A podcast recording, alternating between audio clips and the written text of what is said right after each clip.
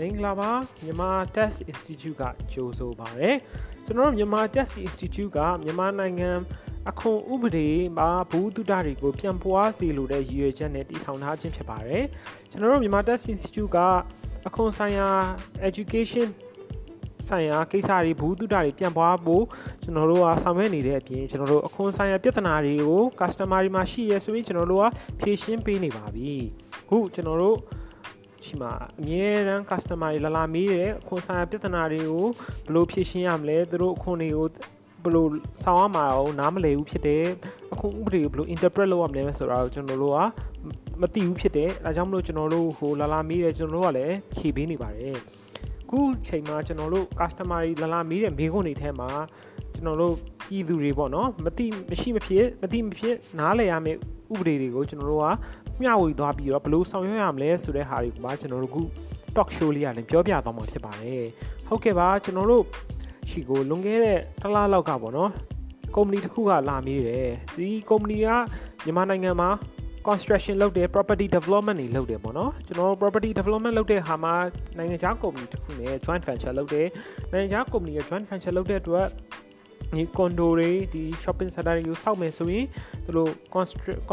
constructor contractor တွေငှားမယ်ဆောက်လုပ်ရေးကုမ္ပဏီကိုငှားမယ်ပေါ့နော်ငှားတဲ့အခါမှာသူတို့ကစင်ကာပူနိုင်ငံကဆောက်လုပ်ရေးကုမ္ပဏီတစ်ခုကိုသူတို့ကငှားရမ်းလိုက်ပါတယ်ဒါကြောင့်မလို့ပြည်တွင်းရှိတဲ့ကုမ္ပဏီတစ်ခုကစင်ကာပူနိုင်ငံကုမ္ပဏီတစ်ခုကိုငှားရမ်းပြီးတော့ကွန်ဒိုတွေစောက်မယ်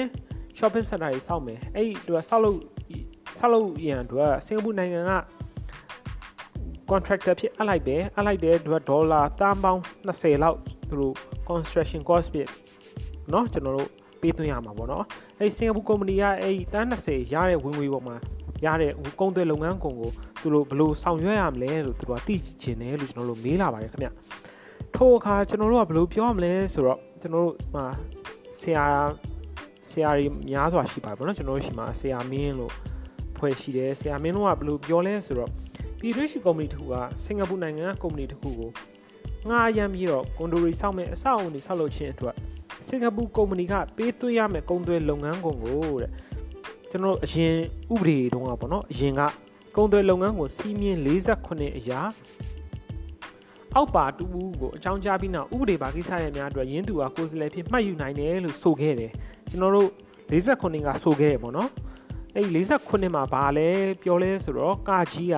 ပြည်ပနေသို့မဟုတ်ပြည်တွင်းနေသူကမိမိပြည်တွင်းမိမိပြည်တွင်းလုပ်ငန်းနဲ့ဆက်လက်၍တနည်းနည်းဖြင့်တာဝန်လွှဲထားသူခါခွေပြည်ပနေသူမဟုတ်ပြည်တွင်းနေသူနေစီးပွားရေးဆက်သွယ်သူပြည်ပနေသူသို့မဟုတ်ပြည်တွင်းနေသူကိုအကြောင်းပြု၍ဝင်ဝင်ရရှိသူကကိုယ်စားလှယ်ဖြစ်ဆောင်ရွက်ရမယ်လို့ဆိုထားတယ်ဒါပေမဲ့အခုဥပဒေကပြောင်းသွားပါပြီ ယခုအခွန်ဆိုင်ရာစီမံအုပ်ချုပ်မှုဥပဒေလူအများတည်တဲ့တည်ရဥပဒေပေါ့နော်တည်ရဥပဒေကစီမင်း48ကိုလွှမ်းမိုးလိုက်ပါပြီဒါကြောင့်မလို့စီမင်း48တိုင်းလိုက်လို့ရမှာလုံးဝမဟုတ်တော့ပါဘူးအခွန်ဆိုင်ရာစီမံအုပ်ချုပ်မှုဥပဒေတိုင်းလိုက်လို့ရမှာပါခွန်ဆိုင်ရာစီမံအုပ်ချုပ်မှုဥပဒေပုံမှန်စက်ခွန်ကားငယ်အရာစင်ကာပူကုမ္ပဏီကမြန်မာနိုင်ငံတွင် နေထိုင်သည့်ပုဂ္ဂိုလ်တူဟာကိုယ်စားလှယ်လွှဲအပ်ခြင်းခံရသူဖြစ်ရွေးချယ်တာဝန်ပေးနိုင်တဲ့ကဲ့သို့ မြန်မာနိုင်ငံတွင်နေထိုင်သည့်ပုဂ္ဂိုလ်တူကိုကိုယ်စားလှယ်ဖြစ်ရွေးချယ်တာဝန်ပေးနိုင်တယ်နော်ဟုတ်ကဲ့ပါခွန်ဆိုင်ရာစီမံအုပ်ချုပ်မှုဥပဒေပုံမှန်41ပုံမှန်ခွဲကကြီးပုံမှန်ခွဲငယ်ကိုအရာလဲမြန်မာနိုင်ငံတွင်၎င်းစင်ကာပူကုမ္ပဏီကပိုင်ဆိုင်သောလုပ်ငန်းအဖွဲ့အစည်းရှိပါက for example သူတို့ representative office တွေရှိမယ်ကုမ္ပဏီခွဲရုံးခန်းတွေရှိမယ်ယင်းအဖွဲ့အစည်း manager ပေါ့နော်သူက country manager ကတော်၎င်းစင်ကာပူကုမ္ပဏီလုပ်ငန်းကိစ္စများကိုတာဝန်ယူဆောင်ရွက်ပေးသူသာ၎င်းတချို့ကျတော့လဲကိုရန်မလာကြဘူးသူတို့က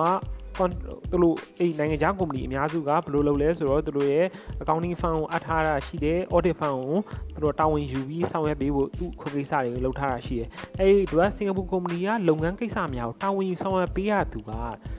၎င်းစင်ကာပူကုမ္ပဏီကိုကိုစားပြုသူဖြစ်သတ်မှတ်ပေးခြင်းခံပြီးဆိုထားပါတယ်။ ဒါကြောင့်မလို့ကိုစားပြုသူကိုပြည်တွင်းခွန်များဦးစီးဌာနကအကြောင်းကြားစာပေးပို့ပြီးတော့အကြောင်းကြားပေးနိုင်ပါတယ်။ကျေးဇူးတင်ပါတယ်ခင်ဗျာ